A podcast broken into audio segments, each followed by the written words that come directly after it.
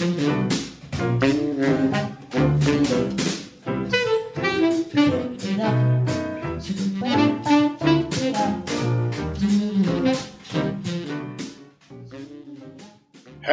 huwelijk.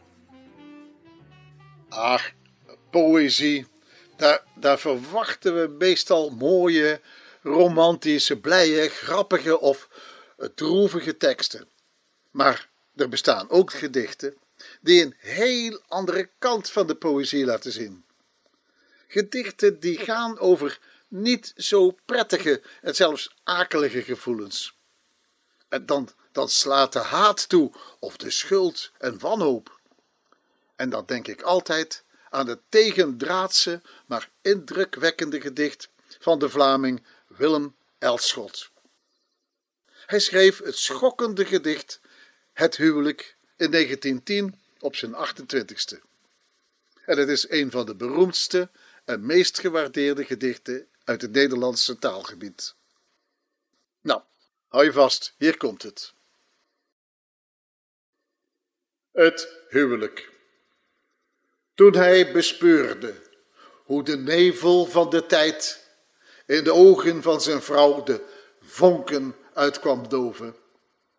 Haar wangen had verweerd, haar voorhoofd had doorkloven, toen wendde hij zich af en vrat zich op van spijt. Hij vloekte en ging tekeer en trok zich bij de baard en mat haar met de blik, maar kon niet meer begeren. Hij zag de grootste zonde in duivelsplicht verkeren en hoe zij tot hem opkeek als een stervend paard. Maar sterven deed zij niet, al zoog zijn helse mond het merg uit haar gebeente, dat haar toch bleef dragen. Zij dorst niet spreken meer, niet vragen of niet klagen, en rilde waar zij stond, maar leefde en bleef gezond. Hij dacht, ik sla haar dood en steek het huis in brand. Ik moet de schimmel van mijn stramme voeten wassen en rennen door het vuur en door het water plassen tot bij een ander lief in enig ander land. Maar doodslaan deed hij niet, want tussen droom en daad staan wetten in de weg en praktische bezwaren en ook weemoedigheid die niemand kan verklaren en die des avonds komt wanneer men slapen gaat. Zo gingen jaren heen. De kinderen werden groot en zagen dat de man die zij hun vader heten, bewegingloos en zwijgend bij het vuur gezeten, een godvergeten en vervaarlijke aanblik bood. Ja, dat is nou echt een onvergetelijk gedicht. Ik hoef het niet uit te leggen, het spreekt voor zichzelf. En de meest geciteerde regel hoor je ook nu nog wel eens, want tussen droom en daad staan wetten in de weg en praktische bezwaren. Ja, een kort moment van bezinning. En die regels hoor je ook nu nog wel eens, meer dan een eeuw later. Wel, ik zocht wat meer informatie over dit gedicht. En ik vond het volgende gedicht van iemand anders, van een oudere vrouw, met een onverwacht antwoord. Hier komt het. Huwelijk. Nu ligt hij daar, aan het einde van zijn leven. De rimpels van de zorgen hebben zijn gezicht doorploegd. Waar is de overmoed, die levenslust gebleven?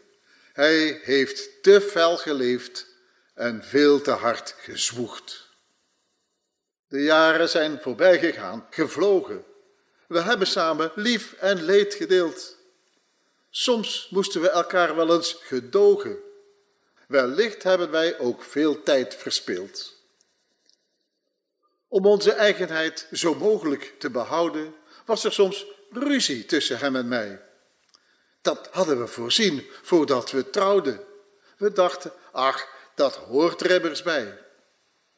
We hebben samen achterom gekeken en zeiden toen: Het was weliswaar niet alle dagen feest, maar uit het resultaat is zonneklaar gebleken. Het was de moeite waard dat wij er zijn geweest. Dit ontroerende gedicht werd tientallen jaren later geschreven door een oudere dame.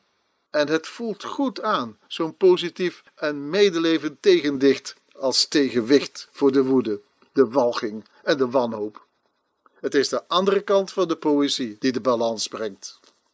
Ja, ik hoef hier niet veel meer aan toe te voegen. Soms kunnen dingen alleen maar in gedichten gezegd worden. Het tweede gedicht en meer informatie is te vinden op Wikipedia. En dat is de moeite meer dan waard. Ik dank u wel.